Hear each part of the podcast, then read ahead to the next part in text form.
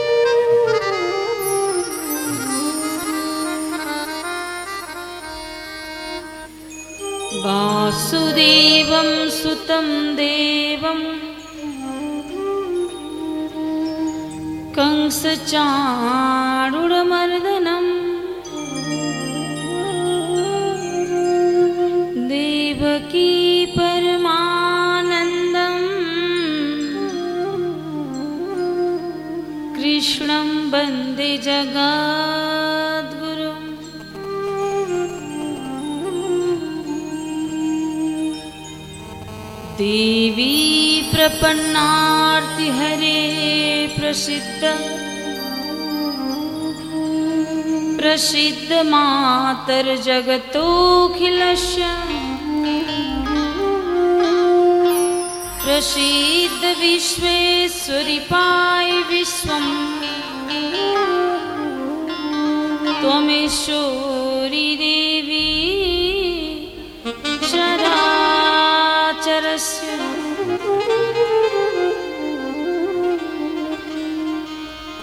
जय जय श्रीराधारमण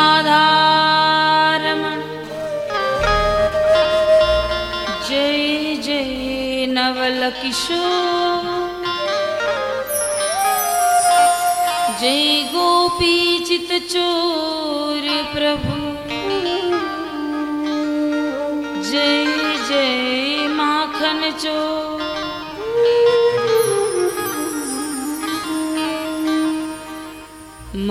भगवान् शम्भो। मङ्गलं वृषभध्वजा। मङ्गलं पार्वतीनाथ। मङ्गलाय तनोहरः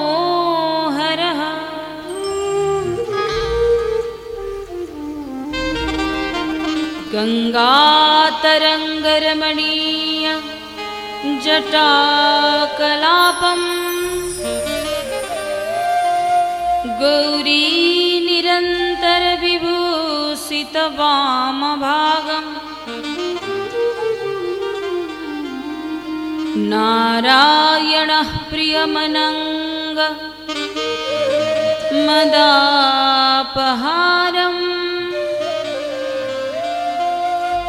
वाराणसीपुरपतिं भज विश्वनाथम्।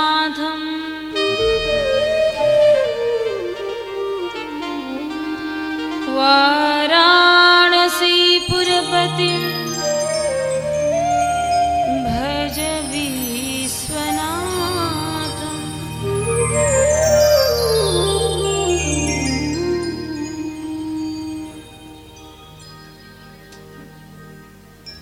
अखिल ब्रह्मांड नायक भगवान। चराचर जगत का जगत पिता, युगल सरकार, श्री राधा सर्वेश्वर को चरण बिन्दमा कोटि कोटि दंडवत नमन। परम पूज्य सद्गुरुदेव महाराजीको चरण बिन्दमा कोटि कोटि वन्दन गर्दै आमन्त्रण गरिएका सम्पूर्ण देवी देवता इष्ट देवता वास्तु देवता पितृदेवता कुल देवता ग्राम देवता स्थानीय देवता, तेत्तिस कोटि देवी देवताको चरण बिन्दमा कोटि कोटि नमन वन्दन व्यास मञ्चमा वरण भएर बस्नुभएका आचार्यगण, गुरुगण, कलाकार बंधु बन्धु सबैका चरण बिन्दमा प्रणाम। यस दिव्य भागवती गङ्गालाई आयोजना गर्नुहुने कर्ता परिवार यस कथाको पण्डालमा उपस्थित भागवत भक्तजन र हामीलाई प्रत्यक्ष प्रसारण हेरेर बस्नुहुने कथा प्रेमी भगवान्का परम भक्तहरू हजुरहरू सबैका हृदयमा विराजित भगवान्लाई कोटि कोटि नमन वन्दन गर्दै व्यास मञ्चको तर्फबाट म राधिका दासी अर्पण गर्न चाहन्छु प्रेम सहितको न्यानो अभिवादन। राधे राधे। भगवानको असीम अनुकम्पा श्रीकृष्णचन्द्र प्रभुको कृपा आज दाहाल क्षेत्रीय परिवारमा यो सुन्दर अवसर हामीलाई मिल्यो कि भागवती गङ्गामा गोता लगाउन पाएका छौँ। आज चतुर्थ दिवसमा हामी प्रवेश गर्दैछौँ भगवानको कथाको चौथो दिनमा आज आइपुग्यौँ। भोलि पाँचौँ दिन हजुरहरू सबैलाई जानकारी गराउँछु। भोलि श्रीकृष्ण जन्म उत्सव प्रगट उत्सव हामी यहाँ धुमधामका साथमा मनाउनेछौँ। भगवान् यो धराधाममा भोलि प्रगट हुँदै हुनुहुन्छ। यो दाहाल परिवारको घरमा भोलि भगवान्को आगमन हुँदैछ जन्म हुँदैछ। हजुरहरू सबैलाई मैले जानकारी गराउन चाहेँ। आज चतुर्थ दिवसको कथाको यो ज्ञान गङ्गा रूपी सत्सङ्गमा प्रवेश गर्नु पूर्व आउनुहोस् केही क्षण हरिनाम कीर्तन गुणगान गरौँ र यो मनलाई कञ्चन पवित्र बनाऊ।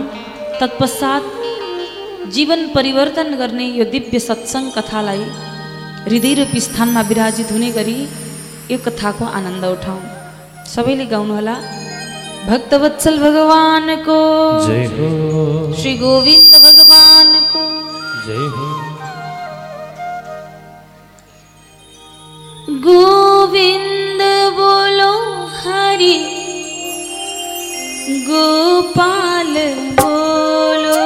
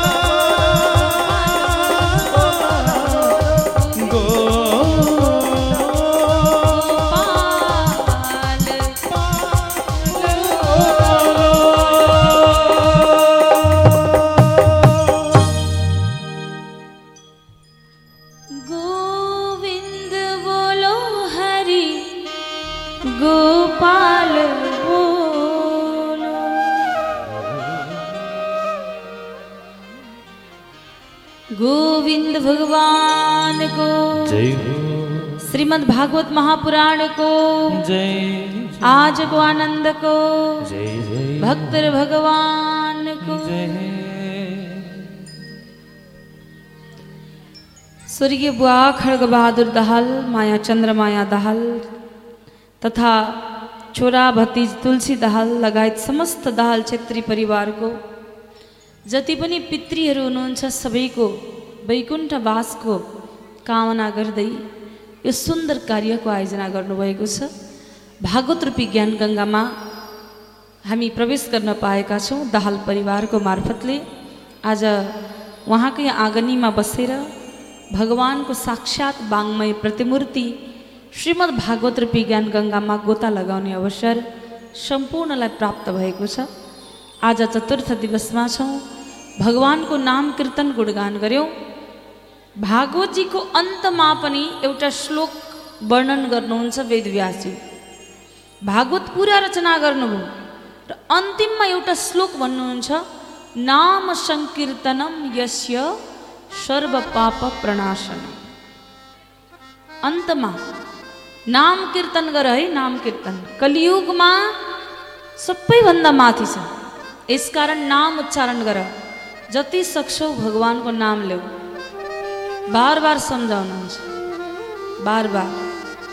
कथाको सुरुवातमा कलियुग स्वयंले सम्झाउँछ यत फलम नास्ति तपसा न योगी न समाधिना तत्फलम लभते सम्यक कलौ केशव कीर्तनाथ नाम कीर्तन गर मेरो युगमा अर्थात् कलियुगमा केवल नाम कीर्तन सक्षम छ है तिमीलाई पार लगाउनको लागि यसकारण नाम लिऊ जति सकिन्छ भगवानको नाम लिऊ भन्नुहुन्छ भजन त हामी गाउँछौँ गुणगान गर्छौँ नाच्छौँ र कीर्तन पनि गर्नुहोस् कीर्तन भनेको चाहिँ केवल केवल केवल भगवानको नाम हुन्छ हरि शरणम हरि शरणम राधे कृष्ण राधे कृष्ण सीताराम सीताराम ओम नमः शिवाय ओम नमः शिवाय जय माता दी जय माता दी भन्नुहोस् बार बार हजुरलाई जुन भगवान हृदयबाट प्रिय लाग्छ कुनैको पुकार गर्नुहोस् यही भगवान्लाई पुकार गर्नुपर्छ भन्ने छैन मनबाट प्रसन्न मुद्रामा जसलाई बढी प्रेम गर्नुहुन्छ नि हजुर हृदयबाट उहाँको पुकार गर्नुहोस् उहाँलाई स्मरण गर्नुहोस्। भगवान्लाई र त्यो कलियुगमा केवल त्यो माध्यम जुन छ बडो सहज छ अरे र यहाँ हामीले पूर्व प्रसङ्गमा पनि यस्तै कथाहरू श्रवण गऱ्यौँ कि भगवान् विदुरजीको घरमा गएर भोजन गर्नुभएको छ। कुरुक्षेत्रमा युद्ध गराइदिनु भयो सम्पूर्ण पाँच पाण्डवलाई राज्य गद्दीमा विराजमान गराइदिनु भयो अनेक प्रसङ्गहरू हामीले श्रवण गऱ्यौँ सृष्टि विस्तारको प्रसङ्ग दक्ष प्रजापति र भगवान् शङ्करको प्रसङ्ग कर्दम ऋषि कर्दम मुनि र देवूती माताको प्रसङ्ग अनि वराह अवतारको प्रसङ्ग हामीले पूर्व प्रसङ्गमा श्रवण गऱ्यौँ विदुरजीको घरमा भगवान् भोजन गर्न पुग्नु भएको थियो मैले हिजो कथामा एउटा कर्मबाईको कथा जोड्छु भनेको थिएँ। आजको कथामा। जगन्नाथपुरीमा आज पनि खिचडीको भोग लगाउने प्रचलन छ। र जगन्नाथपुरीको झन्डा माथि जुन झन्डा छ नि त्यो मन्दिरको माथि जुन झन्डा छ हावा बगेको ठिक उल्टोतर्फ फरफराउँछ। याद गर्नु। हावा जतातिर बग्छ त्यतातिर झन्डा पनि फरफराउनु पर्ने हो कि होइन त्यतैतिर बग्नु पर्ने। तर त्यो झन्डाको दिशा कहिले परिवर्तन हुँदैन। भगवानको चमत्कार त यही छ। भगवान् यही हुनुहुन्छ अरे कि? भगवान् भक्तले चाह्यो भने पत्थरमा पनि दर्शन प्राप्त गर्न सक्छ। तर खोज्दै जाँदा कहीँ भेटिँदैन रे फेरि। हजुर भित्रै हुनुहुन्छ विराजित हुनुहुन्छ। एक राजा रहेछन्। तिनले नित्य एउटा पुष्पमाला बनाउँथे आफ्नै हातले। अनि मन्दिरमा पठाइदिन्थे। अनि पुजारीले जब पूजन गर्थे मन्दिरमा, उनको मनको भाव हुन्थ्यो कि साक्षात् भगवान् यही हुनुहुन्छ। भला त्यो मूर्ति पत्थरको थियो, तर उनको मन के थियो, हृदयमा के थियो, भगवान् यही हुनुहुन्छ। त्यो भाव थियो। राजा पहिले पहिले त हातैले बनाएर फुल फुलको माला पठाए पछि अलिक अल्छी लाग्दै गयो। तब आफ्ना सेवकहरूलाई भनेछन् गएर पुष्पमाला नित्य मन्दिरमा चढाइदिनु।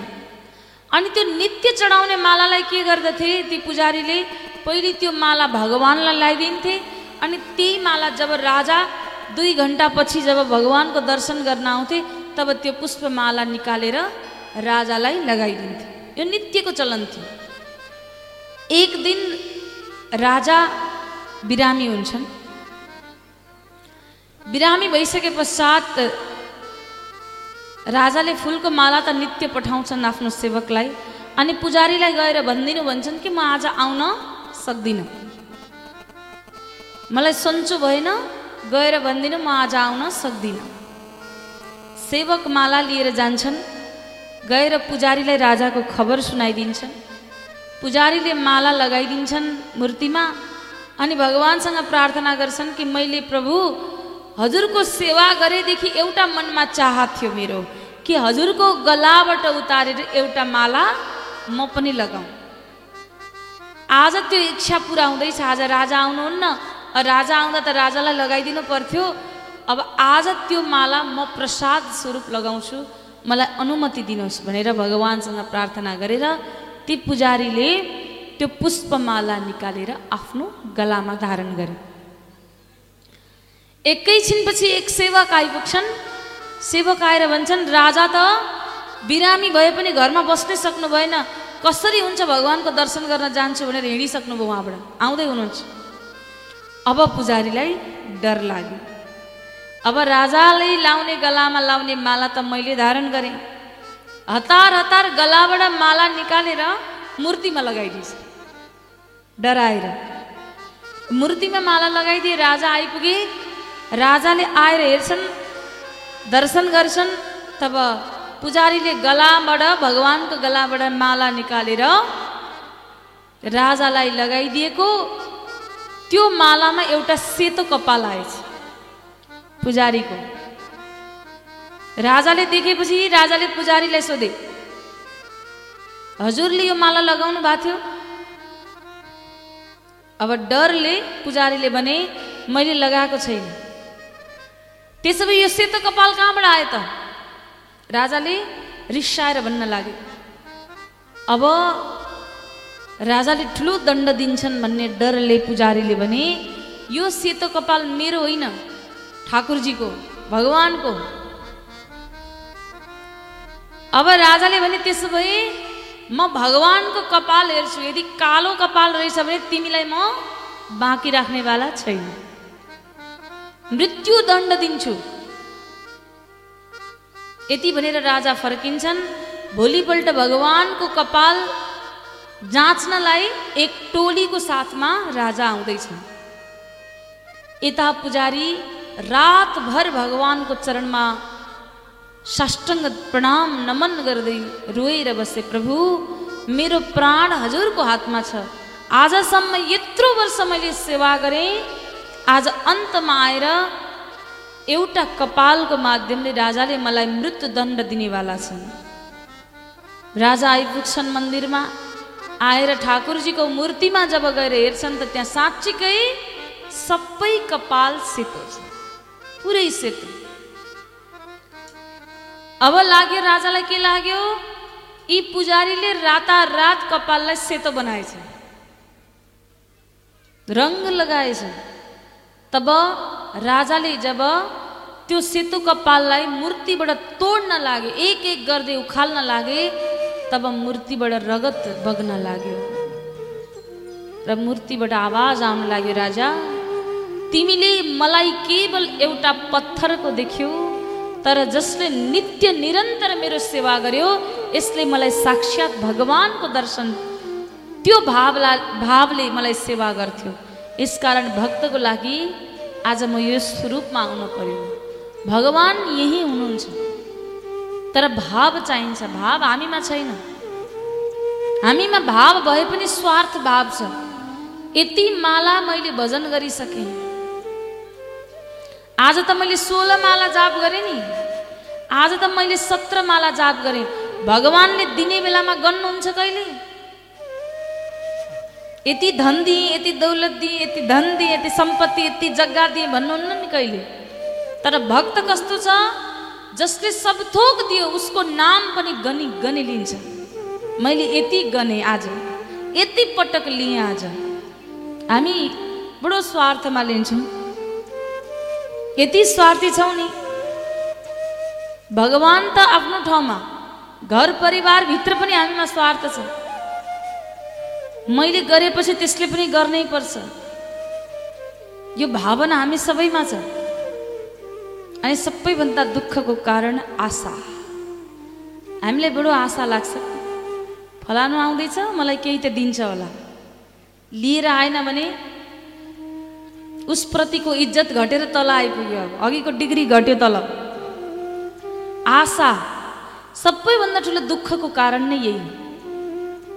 हजुरसँग छ हजुर दिनुहोस्।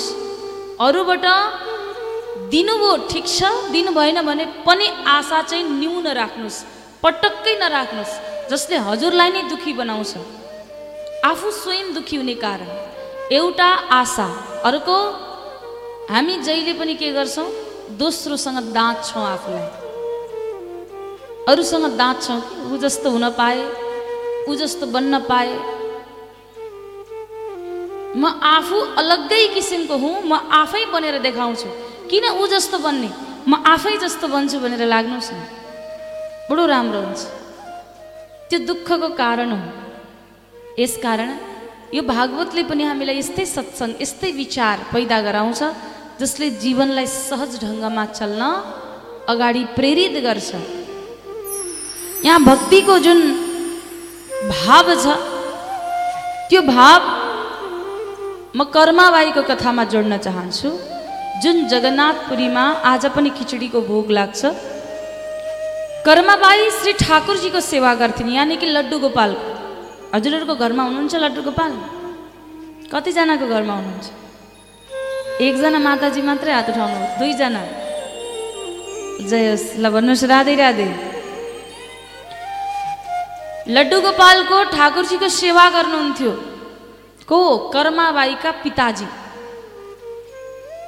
नित्य सेवा गर्नुहुन्थ्यो भोग लगाउनुहुन्थ्यो अनि प्रसादको रूपमा भोजन गर्नुहुन्थ्यो। एक दिन उहाँलाई काम विशेषले कहीँ जानु पर्यो। यो सत्य घटना त्यो पनि कलियुगको। सुन्नुहोस् है यो सत्य घटना। उहाँलाई काम विशेषले कहीँ जानुपर्ने भयो। छोरीले भन्नुभयो कर्मालाई कर्मा म भोलिदेखि बाहिर जानुपर्ने छ म दुई चार दिनमा फर्केर आउँछु। तिमीले मेरो लड्डु गोपालको सेवा गर्नु अब कर्माले भने म यति सानी बालिका मैले जानेकै छैन केही पनि। के गरी सेवा गर्नुपर्छ? पिताजीले भन्नुभयो बिहान भगवान्लाई भोग लगाएपछि जब भगवान्ले भोग लाग्नुहुन्छ अनि मात्र तिमीले भोजन गर्नु। हुन्छ। अब यति भनेपछि कर्माको बाबालाई लाग्यो भगवान् भोकै त राख्नु परेन। कमसेकम जस्तो जे जान्दथे सेवा त गर्छ भनेर त्यहाँबाट लाग्नुभयो भोलिपल्ट बिहान कर्मा जब उठिन् उठ्दा के गरिन्? दतिउनको डाक्लाले दाँत माझ्दैछिन् अनि एउटा भाँडोमा खिचडी बनाएर त्यो दतिउनकै पछाडिको डाक्लाले खिचडी चलाउने। अगाडिबाट दाँत माझ्ने पछाडिबाट खिचडी चलाउने। बडो प्रेमसँग कसको लागि? लड्डु गोपालको लागि। जब खिचडी बन्यो थालीमा तयार गरिन्। थालीमा तयार गरेपछि मनमा लागेछ खिचडी अलि सुन्न सुन्न भयो। अलिकति घिउ राख्न पाए त बडो राम्रो हुन्थ्यो भनेर एक कटोरी घिउ राखे। र लिएर गइन् र ठाकुरजी लड्डु गोपालको अगाडि भोजन राखेर पर्दा लगाइदिन्। अनि बाहिर बसेकी छन्। पर्दा खोलेर हेरिन्। लड्डु गोपालले त भोजन गर्नु भएको छैन। अब पिताजीले के भन्नुभएको छ? लड्डु गोपाललाई भोजन नगराई तिमीले भोजन नगर्नु। अब कर्मलाई थाहा थिएन कि भोजन भनेको तुलसी छोडेर फेरि त्यही भोजन गर्ने हो। थाहा थिएन उनलाई। उनलाई के थाहा थियो? भगवान् स्वयं आउनुहुन्छ अनि भोजन गर्नुहुन्छ।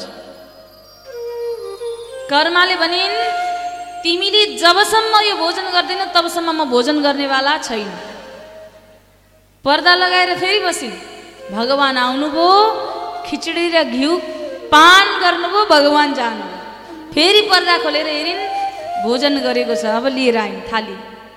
नित्य उनको काम बन्यो नित्य भोजन गराउँथिन्। नित्य भगवान् आएर भोजन गर्नुभयो।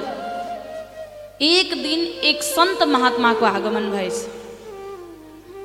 कर्माबाईले खिचडी पकाएको देखेर सन्तले भनेछन् अरे अरे अरे उठ्ने बित्तिकै मुख पनि धोएको छैन। खिचडी बसाएको छ त्यो पनि दत्युनको डाक्लाले खिचडी जलाएको छ। न शुद्धता छ न स्नान गरेको छ अनि भगवान्लाई भोग लगाएको छ त्यस्तो। यो तिमी गलत गर्दैछौ। यसरी नगर तिमीले पहिले बर्तन सफा गर पहिले स्नान गर शुद्ध वस्त्र लगाऊ अनि बल्ल पकाएर भोग लगाऊ अर्को दिनदेखि कर्माले त्यसै गरिन् तर त्यो दिन भगवान् आउनु भएन। भगवान् आउनु भएन बिहानदेखि बेलुकासम्म कुरिन्। भगवान् आउनु भएन। रातभरि रातभरि कर्मा रोएर बिताइन्।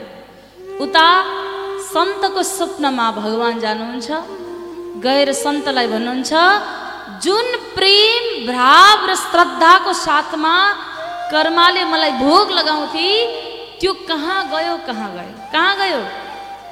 त्यो ध्यान अब शुद्धतामा गएर हेर्नुहोस् है। मैले कहीँ गल्ती पो गर्दैछु कि? मैले कहीँ भाँडा पो जुठो राखेँ कि? मैले कहीँ स्नान गर्दा कहीँ गल्ती पो भयो कि? यो वस्त्र पो खराब थियो कि भनेर भाव एक प्रतिशत पनि छैन। कहाँ गयो त्यो भाव? अब शुद्ध र अशुद्धमा गयो। जसरी जुन प्रेम श्रद्धाको साथमा कर्माले मलाई भोग लगाउँथे त्यही भोग मलाई चाहियो भनौँ। सन्त भोलिपल्ट दौडी दौडी दौडी पुग्नुभयो कर्माको साथमा चरणमा दण्डवत प्रणाम गर्नुभयो अनि भन्नुहुन्छ धन्य हो कर्मा तेरो कारणले स्वप्नमा मैले भगवानको दर्शन प्राप्त गरेँ बोल्नुहोस् कृष्णचन्द्र भगवानको भगवान्लाई स्वप्नमा दर्शन प्राप्त गर्नु तब कर्माले जुन प्रकारले भोग लगाउँथिन् त्यही प्रकारले भगवान् श्री ठाकुरजीलाई भोग लगाइन् र आज पनि त्यही कर्माको प्रचलन आज पनि त्यो ठाउँमा छ कि खिचडीको भोग लाग्छ। भला एकादशी किन नहोस् तर खिचडी नै पाक्छ। र ठाकुरजीलाई खिचडी नै भोग लगाउने प्रचलन जगन्नाथपुरीमा छ। बोल्नुहोस् कृष्ण कन्हैया लालको जय हो त्यही भएर भगवान्लाई याद गरिरहनु होला बेला बेला नबिर्सिनु होला बडो भक्ति गर्नुहोला। जसको कारणले यो कलियुगमा भगवान्लाई प्राप्त गर्न सकिन्छ। भगवान्लाई प्राप्त गर्न अन्य साधन बडो कठ कठिन छ तर भक्तिको माध्यमले भगवान् थाहा छैन कुन समय कति बेला हामीसँग रिझ्नुहुन्छ। करोडौँ भक्त भगवान्का होलान् तर हाम्रो लागि प्रभु एउटा हुनुहुन्छ। उहाँको भक्तिमा मन लगाउनुहोस्। बिर्सो बिर्सो भन्छु कृष्ण। झनै याद नाता तोड्छु भन्यो भने, झनै माया लाउँछ कृष्ण। झनै माया लाउँछ। कदमको डालीमा बसेर वंशी बजाऊ। कदमको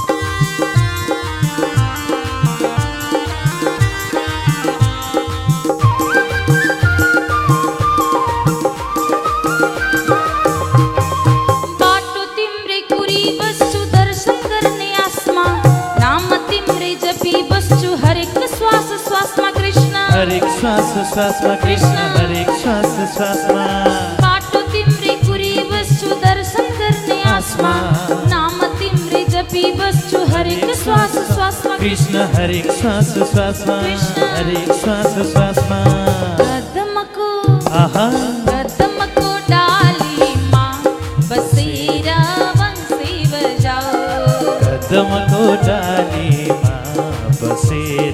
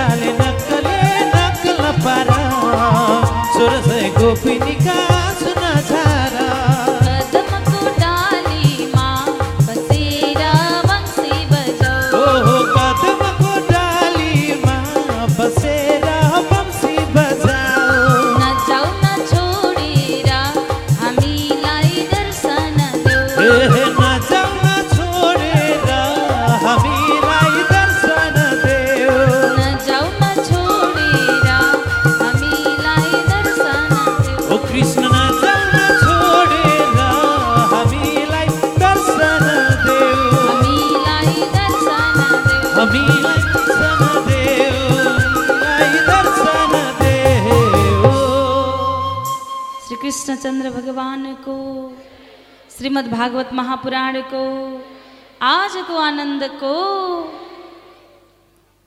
आउनुहोस् सब कथामा अगाडि बढौँ भगवान्लाई भावद्वारा प्रसन्न बनाउनु हुन अनुरोध गर्दै अगाडि प्रसङ्गमा मनु महाराजका दुई पुत्रहरूको वर्णन गरिएको छ जहाँ दुई पुत्रहरू हुनुहुन्छ प्रियव्रत र उत्तानपाद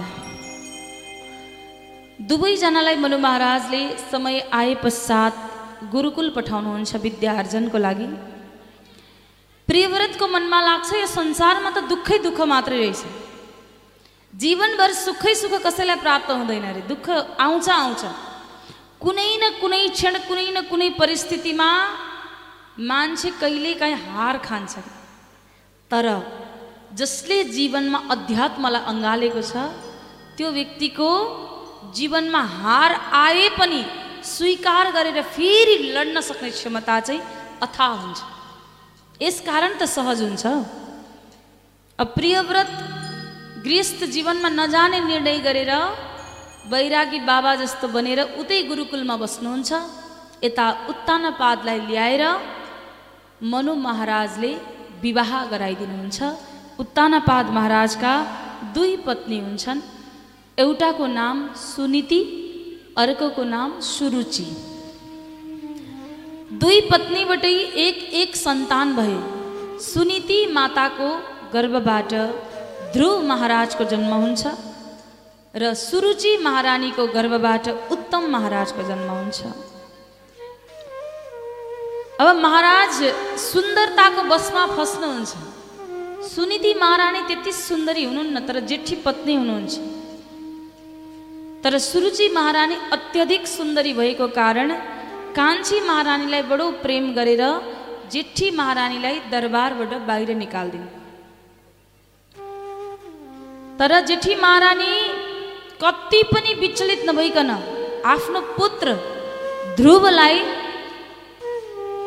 स्याहार सुसार गर्दै अगाडि बढाउँदै हुनुहुन्छ। उसलाई सुसंस्कार दिँदै हुनुहुन्छ। एक दिन उत्तानपाद महाराज युद्धमा विजयश्री हासिल गरेर फर्केर आउँदै हुनुहुन्छ। यो खबर ध्रुव महाराजका सखाहरूले बताउँछन् कि तिम्रो पिताजी त आज विजयश्री हासिल गरेर आउनु भएको छ। तिमी दर्शन गर्न जाँदैनौ? ध्रुव दौडी दौडी आउँछन् र आफ्नो आमा सुनितिलाई भन्छन् आमा आज मेरो पिताजीको आगमन भएको छ रे। दरबारमा म एकपटक मेरो पिताजीको दर्शन गर्न जान्छु। सुनिति महारानी भन्नुहुन्छ बाबु त्यहाँ प्रहार हुने कठोर वचनहरू मैले त सहन गर्न सकेँ तर तिमी सहन गर्न सक्दैनौ। तिमी भर्खर पाँच वर्षको बालक छौ। मात्र पाँच वर्षको। यसकारण असम्भव छ गाह्रो छ। नजाऊ तिमीलाई कठिन हुन्छ। ती वचनहरूले जब घोज्छन् तब तिमी सहन गर्न सक्दैनौ सानो छौ नजाऊ। ध्रुव महाराज भन्छन् पिताजीसँग मलाई भेट्न रोक्ने आमा। सूर्यको किरणलाई पृथ्वीमा आउन रोक्न सकिन्छ सकिन्न। त्यस्तै एक पुत्रलाई पनि पितासँग भेट्न कसैले रोक्न सक्दैन। म अहिले नै गएर पिताजीको दर्शन गर्छु। पिताजीको दर्शनको लागि ध्रुव महाराज जानुहुन्छ। त्यही समयमा उत्तानपाद महाराजले आफ्ना द्वारका द्वारपालेलाई कसैलाई पनि भित्र पस्न आउन नदिनु भनेर द्वारपाले राखेर भित्र जानुभएको हुन्छ। शयन कक्षमा गएर राज्य गद्दीमा सिंहासनमा बसेर सुरुचि महारानीसँग गफ गर्दै हुनुहुन्थ्यो। त्यही बेला द्वारमा आइपुग्छन् ध्रुव महाराज। जब द्वारपालेले ध्रुवलाई भित्र जान रोके तब ध्रुव महाराज भन्नुहुन्छ मलाई भित्र जान देऊ। द्वारपाले भन्छन् यदि तपाईँलाई भित्र जान दियौँ भने महाराजले हामीलाई दण्ड दिनुहुन्छ। ध्रुव ध्रुव महाराज भन्नुहुन्छ होइन मलाई जान देऊ। महाराजको दण्डबाट त म बचाउन सक्छु तर मैले दण्ड दिएँ भने तिमीलाई कसले बचाउन सक्छ? यसकारण मलाई भित्र जान देऊ। तब ध्रुव महाराज भित्र जानुभयो दौडी दौडी पिताश्री पिताश्री पिताश्री भन्दै उत्तानपाद महाराजको काखमा गएर बस्नुहुन्छ। आफ्नो पुत्र देखेर बडो हातले सुमसुम्याउँदै प्यार गर्दै अङ्कमाल गर्न लाग्नु भएको थियो। यो दृश्य सुरुचि महारानीलाई पटक्कै मन परेन। आफ्नो पुत्र छेउमा हुँदाहुँदै जेठी महारानीको पुत्र काखमा राख्ने भनेर सुरुचि महारानी जुरुक्कै उठ्नुहुन्छ हात हातले ध्रुव महाराजलाई समातेर भुइँमा पछारिदिनु त यहाँबाट गइहाल। यो सिंहासनमा बस्ने अधिकार त केवल मेरो पुत्रलाई मात्र छ। यदि तँलाई पनि यो सिंहासनमा बस्ने इच्छा छ भने तैँले मेरो गर्भबाट जन्म लिनु पर्थ्यो होइन भने केवल भगवान नारायण मात्र सक्षम छन्। यति भन्नुभयो ध्रुव महाराजले आफ्नो पिताजीको मुख हेर्नुभयो। पिताजीले कहीँ कतै केही भनिहाल्नुहुन्छ कि? तर उत्तानपाद महाराज केवल शिर झुकाएर बसिरहे एक शब्द पनि प्रतिक्रिया दिएन। तब ध्रुव महाराज त्यहाँबाट रुँदै रुँदै रुँदै रुँदै आज आफ्नै आमा सुनिति समक्ष आउनुहुन्छ। सुनिति महारानीलाई आएर ध्रुव महाराजले सम्पूर्ण वृत्तान्त बताउनुभयो। तब सुनिति महारानी भन्नुहुन्छ बाबु ध्रुव आजसम्म मैले तिमीलाई जुन ज्ञान दिन सकेको थिइनँ त्यो ज्ञान तिम्री आमा सुरुचिले दिन्छन् उनले झुट त कतै बोल्दै बोलिनन् सत्य बोलिन्। कस्तो सत्य?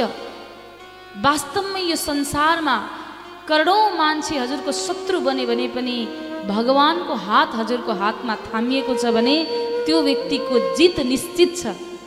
निश्चित छ त्यो व्यक्तिको। भगवानले जुन दिन चाह राख्नुभयो कि ध्रुव तिमी त्यो सिंहासनमा बस त त्यो दिन यो संसारको कोही व्यक्ति पनि रोक्न सक्दैन। उनले सत्य बोलिन् जुन ज्ञान मैले तिमीलाई दिन सकेको थिइनँ आज त्यो ज्ञान त तिम्री आमा सुरुचिले प्रदान गरिछन्। वास्तवमै श्री नारायण मात्र सक्षम हुनुहुन्छ तिमीलाई त्यो सिंहासनमा विराजमान गराउन। तब त्यति बेला ध्रुव भन्छन् आमा त नारायण कहाँ बस्नुहुन्छ? म एकपटक भेट्न चाहन्छु।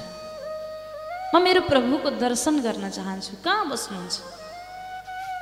सुनिति आमा भन्नुहुन्छ बाबु हजारौँ वर्ष तपस्या गर्नेले भगवानको दर्शन गर्न पाएका छैन।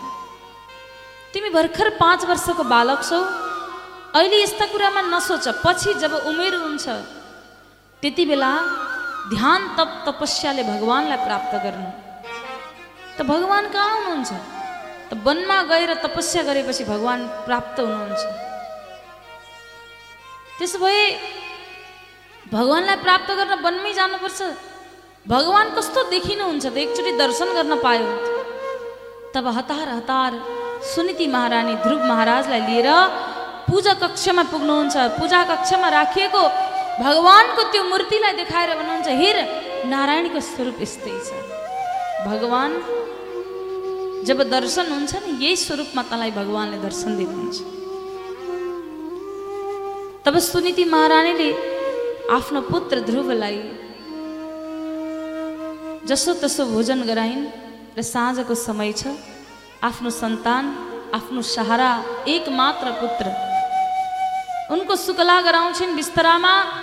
तब आफू पनि निधाउन पुगिन् तर रात्रिको मध्य समयमा ध्रुव महाराजको निद्रा टुट्यो।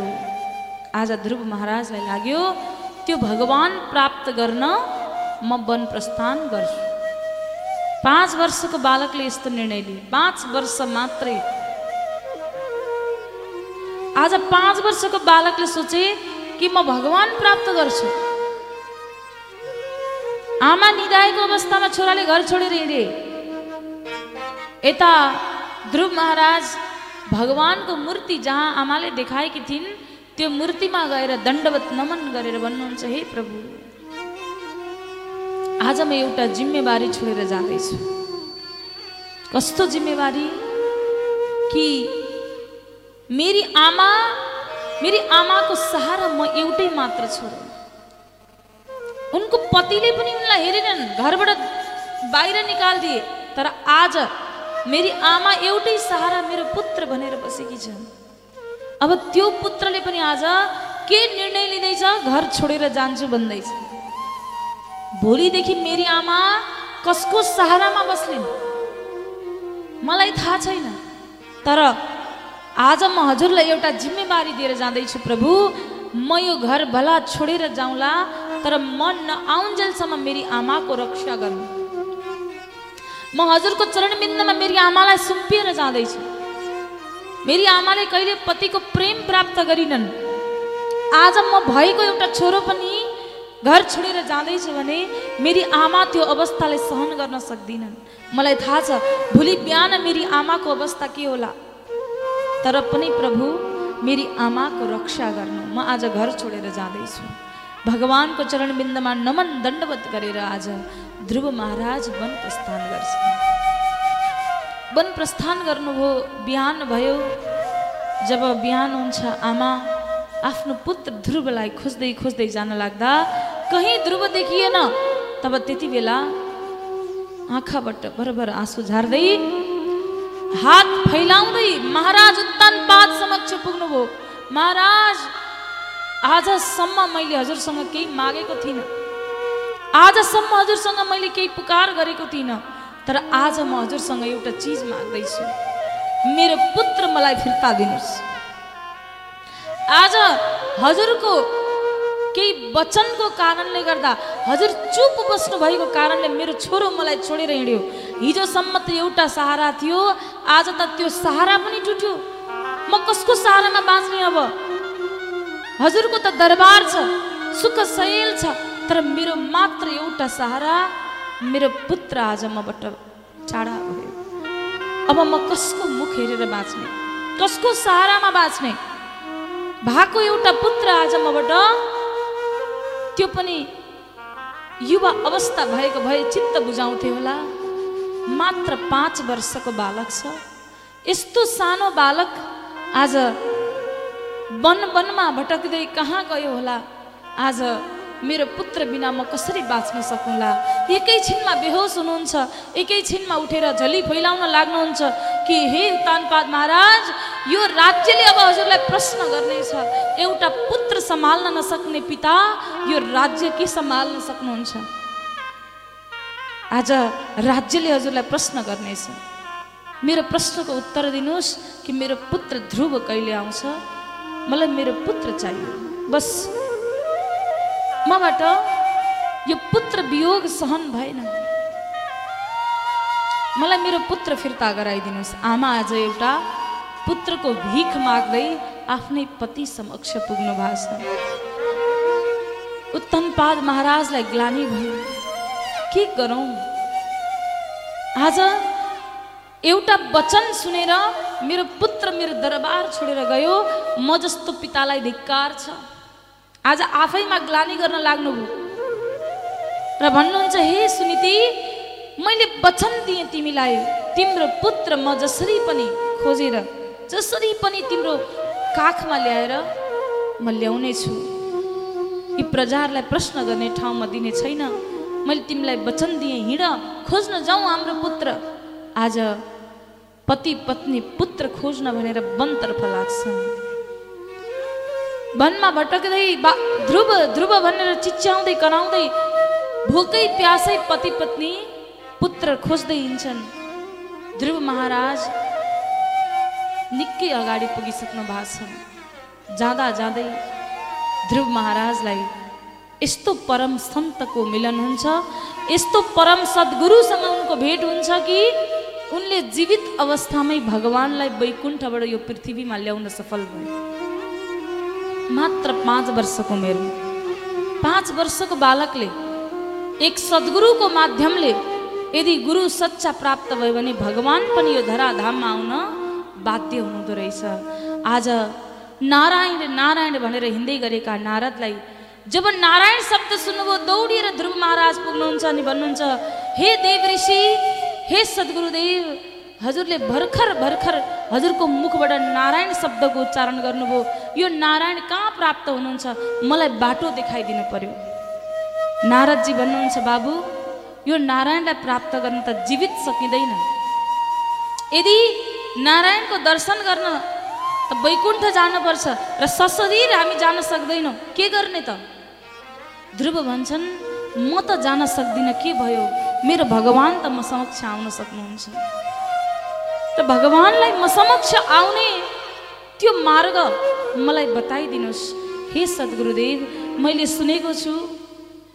भगवान्ले पनि बरु आफ्नो बाणी टाल्नुहुन्छ अरे तर सद्गुरुदेवको वचन कहिल्यै पनि खेर जाँदैन। मैले सुनेको छु। मेरो सच्चा गुरुदेव हजुर मलाई यस्तो मार्ग देखाइदिनुहोस् ताकि म भगवान्को प्राप्त गर्न सकौँ। आज नारदजी सम्झाउनुहुन्छ बाबु तिम्री आमा बेहोस भएकी छन्। पुत्र वियोगमा त्यो अवस्थामा आमालाई छोडेर तिमी भगवान् प्राप्ति गर्ने। तर ध्रुव महाराज भन्नुहुन्छ यदि हजुर मलाई मार्ग देखाउनुहुन्छ भने पनि ठिकै छ। देखाउनुहुन्न भने पनि म भगवान्लाई प्राप्त गर्ने मार्ग त खोजेरै छोड्नेछु तर म फर्किन्छु त केवल मेरो भगवान्लाई प्राप्त गरेर। तब नारदजीको मनमा लाग्यो अब मैले यसलाई आफ्नो शिष्य बनाउन सक्छु। यो यो असल शिष्य छ जसले भगवान्लाई साँच्चै प्राप्त गर्न सक्छ। तब आज गुरु मन्त्र प्रदान गर्नुहुन्छ। आज आफ्नै शिष्य सम्झेर ध्रुव महाराजलाई द्वादशाक्षर महामन्त्र प्रदान गर्नुभयो। जुन महामन्त्र गुप्त भनेको छ भागवतजीमा गुप्त मन्त्र यस्तो मन्त्र कि जसलाई नौ दिन नौ रातसम्म निरन्तर जप गर्नु भने सिद्धि मिल्छ। आज पनि नौ दिन नौ रात नसुतिकन जसले नित्य जाप गर्छ अरे सुन्नुहोस् है। उसले सिद्धि प्राप्त गर्छ अरे कि नजरले थाहा पाउँछ अरे कि। व्यक्ति कस्तो के सोच्दैछ भन्ने कुरो। नजरबाट पनि उसलाई ज्ञान प्राप्त हुन्छ। त्यो साधना मिल्दछ। भने त्यो महामन्त्र आज उनी ध्रुव महाराजलाई नारदजीले प्रदान गर्नुभयो। आउनुहोस् हामी केही क्षण महामन्त्रको गुणगान गरौँ तत्पश्चात कथामा प्रवेश गर्छौँ। सबैले गाउनुहोला। भक्तवत्सल भगवानको जय हो। गोविन्द भगवानको जय। ध्रुवजी महाराजको जय जय हो। ओम नमो भगवते वासुदेवाय। ॐ नमो भगवते वासुदेवाय। ओम नमो भगवते वासुदेवाय। ॐ नमो भगवते वासुदेवाय। वासुदेवाय भजो वासुदेवाय। वासुदेवाय भज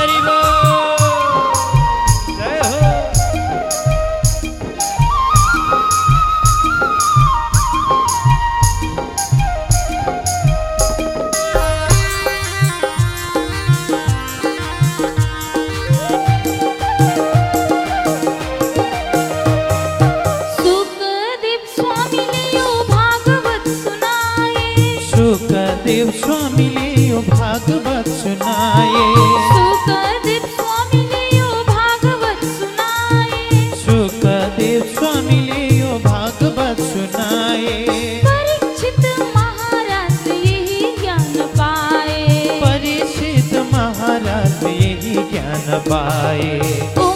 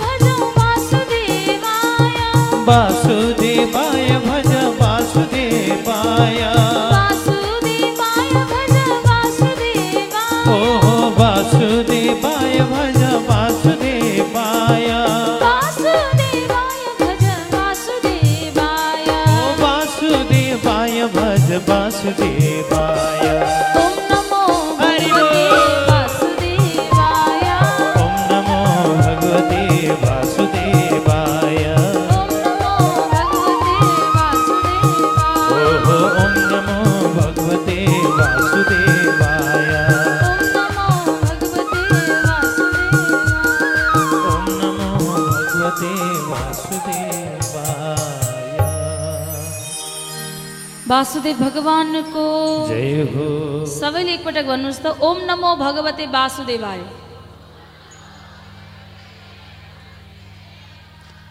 वासुदेव भगवानको जय हो। गोविन्द भगवानको जय। आजको आनन्दको श्रीमद् भागवत महापुराणको ओम नमो भगवते वासुदेवा यो महामन्त्र नौ दिन नौ रात कन् हजुरहरूले जाप गर्नुभयो भने सिद्ध प्राप्ति हुन्छ अरे। हेर्नुहोस् त कस्तो महामन्त्र हो। जसलाई जाप गर्दा भगवान् नै यो धरतीमा आउनु पर्यो। जुन मन्त्रले ध्रुव महाराजले पुकार्नु भयो हेर्नुहोस् त। ओम नमो भगवती वासुदेवाय भनेर जाप गर्दै गर्दै मथुराको यमुनाजीको तटमा आज पनि त्यहाँ ध्रुव टिला नाम गरेको स्थान छ जहाँ भगवान्लाई स्वयं ध्रुवजीले प्रकट गराउनु भएको थियो। त्यहाँ गएर ओम नमो भगवते वासुदेवाय भनेर जाप गर्नुभयो। पहिलो महिनामा तिन तिन दिनमा कन्दमूल फलाहार गरेर दोस्रो महिनामा घाँसका पत्ताहरू खाएर छ छ दिनमा तेस्रो महिनामा नौ नौ दिनमा जल मात्र पिएर चौथो महिनामा बाह्र बाह्र दिनमा हावा मात्र पिएर जब पाँचौँ महिना लाग्यो तब त योग प्राणायामको माध्यमले हावा पिउन पनि ठप्प गरेर राखिदिनु भयो जसको कारणले देवताहरूको पनि प्राण खिच्न लाग्यो। देवताहरू दौडी दौडी पुगे नारायण भएको स्थानमा त्राइमाम त्राइमाम प्रभु रक्षा गर्नुहोस् भगवान् नारायण भन्नुहुन्छ केबाट रक्षा गर्ने भन्दा हजुरको परम भक्त जसको नाम ध्रुव मात्र पाँच वर्षको बालकले पाँच महिनामा हजुरलाई पुकार गरेको पाँच महिना मात्रै भयो आज तर हाम्रो प्राण खिच्न लागिसक्यो तुरुन्तै गएर दर्शन दिनु पर्यो भगवान् के भन्नुहुन्छ सुन्नुहोस् म ध्रुवलाई दर्शन दिन जान सक्दिनँ। म त यस्तो भक्तको दर्शन गर्न चाहिँ जान्छु भन्नुहुन्छ। यस्तो परम भक्तको त म स्वयं दर्शन गर्न चाहन्छु।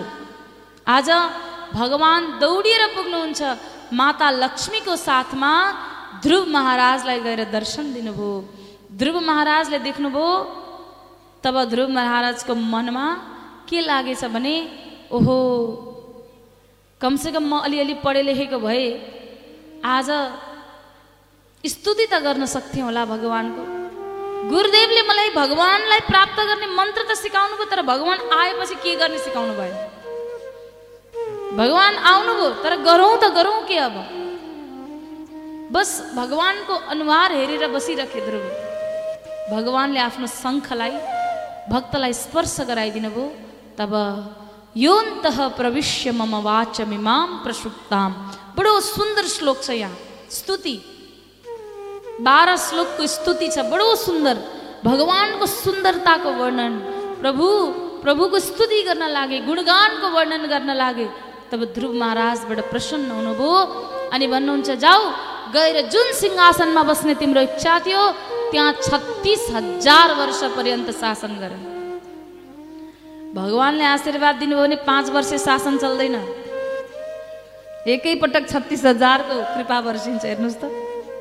छत्तिस हजार वर्ष पर्यन्त शासन गर।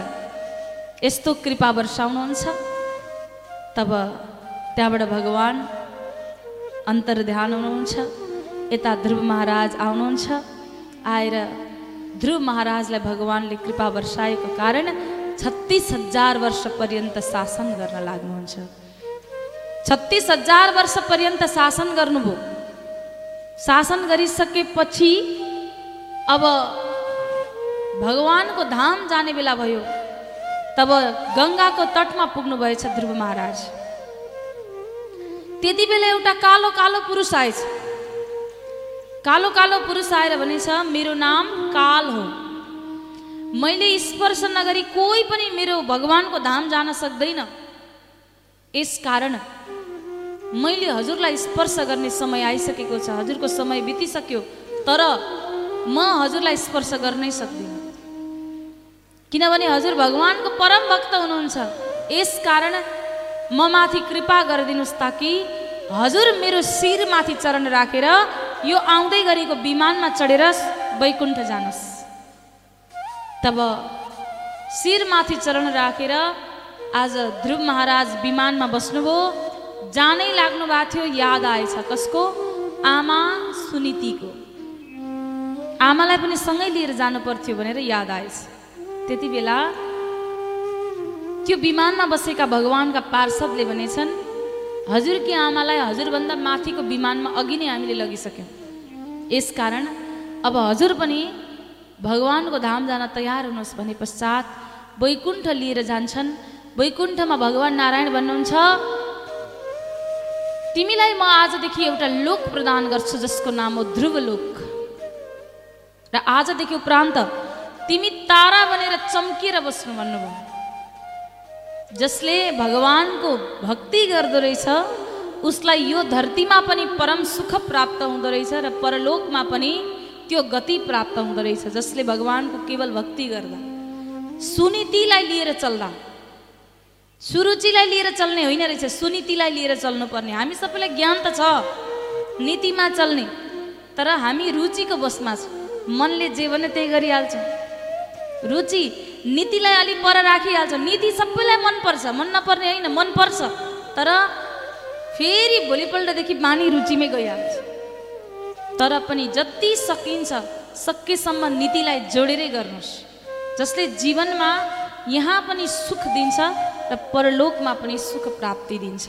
यसकारण भगवान्ले आज ध्रुव महाराजलाई यहाँ मात्र होइन परलोकमा पनि त्यो अधोगति प्रदान गर्नुभयो जुन आज एक ताराको रूपमा चम्किएका छन्। हामी यहाँबाट दर्शन गर्न पाउँछौँ। भक्तवत्सल भगवानको। भगवानसँग प्रार्थना गर्नुहोस्। तारा हे सारा जमाना श्याम हमको भी तारो। भगवान्सँग प्रार्थना गर्नु होला कि सबैले त तार्नु भएको छ हाम्रो पनि पालो आओस् झट्टै छिट्टो गरेर नबिर्सिनुहोस् है भनेर प्रार्थना गऱ्यो तारा है सारा जमाना श्याम हमको भी तारो।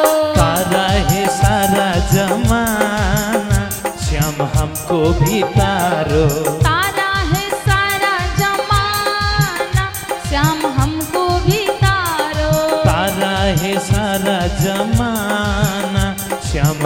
हमको भी तारो। हमको भी तारो श्याम हमको भी तारो। हमको भी तारो श्याम हमको भी तारो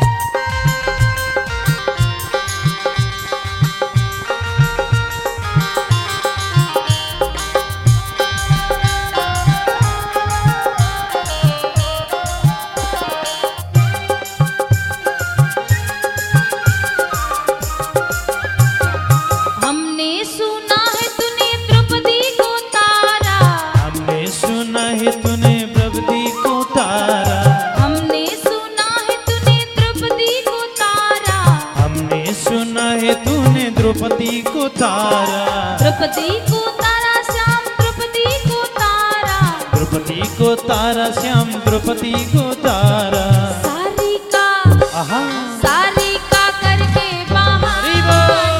श्याम हमको करके बहाना श्याम हमको भी तारो। तार